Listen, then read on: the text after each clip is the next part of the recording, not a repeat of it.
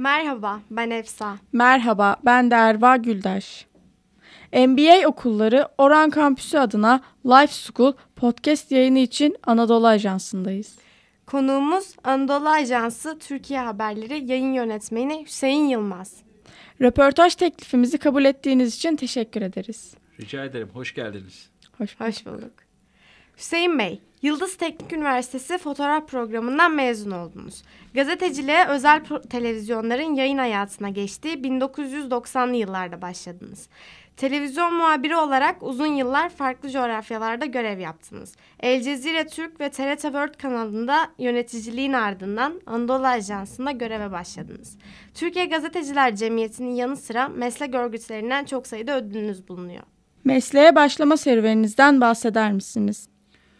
Aslında birçok nedeni var. Birincisi e, Kıbrıs Barış Harekatı'nda öldürülen Türk bir gazeteci var. E, Adem Yavuz gazeteci.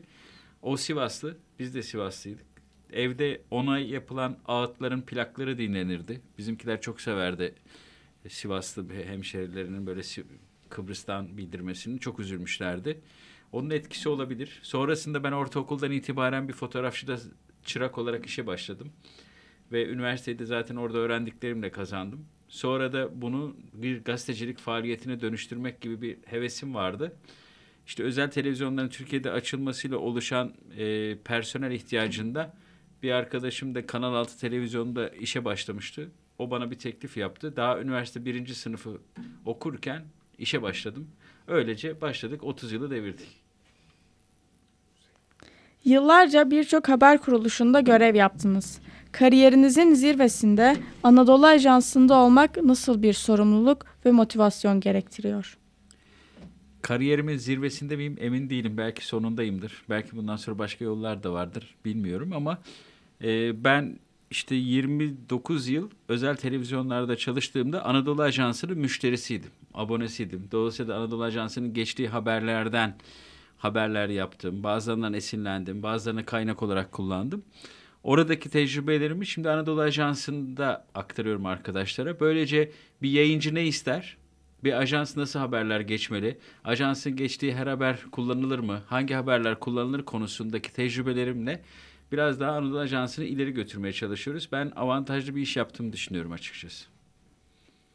Yöneticilik mi daha keyifli yoksa muhabirlik mi? Yani beni bıraksalar ben muhabir olarak devam etmek isterim. Hala e, sıcak bir olay olduğunda oraya gitmek istiyorum. Geçenlerde Düzce'de deprem oldu. Sabah 5'te geldim buraya.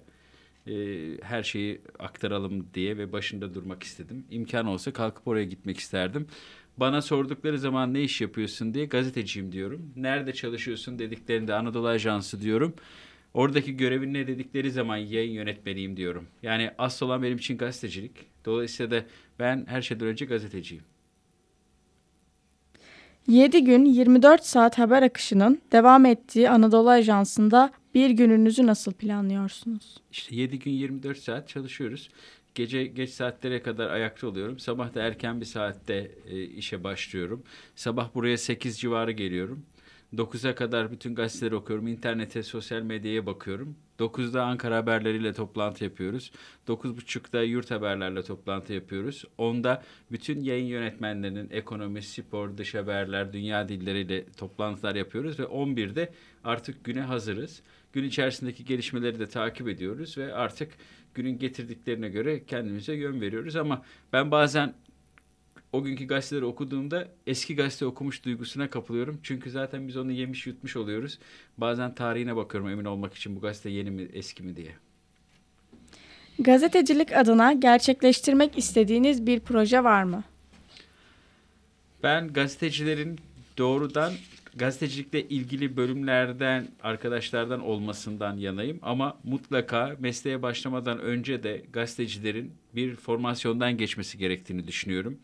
Yani illa iletişim fakültesinde okudu diye gazeteci olunmaz. Mühendisler de gazeteci olabilir, başkaları da gazeteci olabilir. Çünkü gazetecilik demek bir merak işi, şüphe duyma işi, muhakeme yani bir şeyi bir şeyle kıyaslama işi. Bizde şöyle bir laf vardır. Herkes görür, herkes bakar, gazeteci görür. Neyi görür? Kamu menfaatini görür, hırsızlığı görür, yolsuzluğu görür, haksızlığı görür. E, hak ihlallerini görür. Dolayısıyla da onu görebilecek kişilerin tespit edilmesi için de bir formasyon gerekir. Bir eğitimden geçirmeleri gerekir. Ne yazık ki ben e, iletişim fakültelerinde dersler de veriyorum. E, ve oradaki arkadaşların çoğunun bir üniversiteyi kazanmak için orada olduklarını görüyorum ve bu beni üzüyor. Dolayısıyla da e, gerçekten meraklı arkadaşların korkmadan, ürkmeden Türkiye'de gazetecilik yapabilecekleri bir ortam hazırlanmasını istiyorum.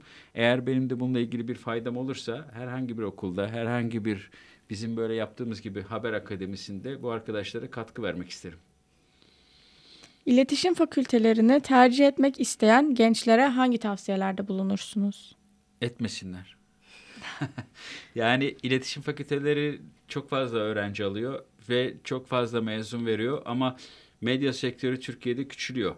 Dolayısıyla da e, iş bulma imkanları sıkıntılı. Bir de aldıkları eğitimin ben çok yeterli olduğunu düşünmüyorum. Çünkü bak birkaç üniversiteye davetli olarak gittim. Bazılarında dersler de verdim. Ama şöyle bir şey var. Bugün ilkokula giden çocuklar 30 yıl sonra mesleğe başladıklarında, bir işe başladıklarında ilkokula gittikleri yıllardaki mesleklerin yarısı olmuyor artık.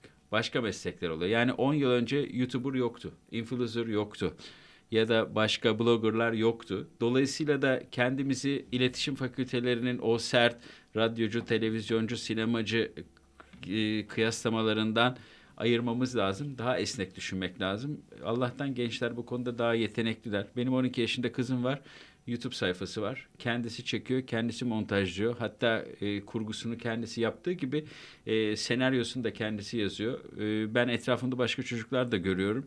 Dolayısıyla da yeni neslin gazeteciliğe bakışı dijital medya dediğimiz bütün hepsini içine kapsayan yani sadece ajansçı olmuyorsunuz, sadece televizyoncu, sadece gazeteci, sadece radyocu olmuyorsunuz. Hepsi bir bütün.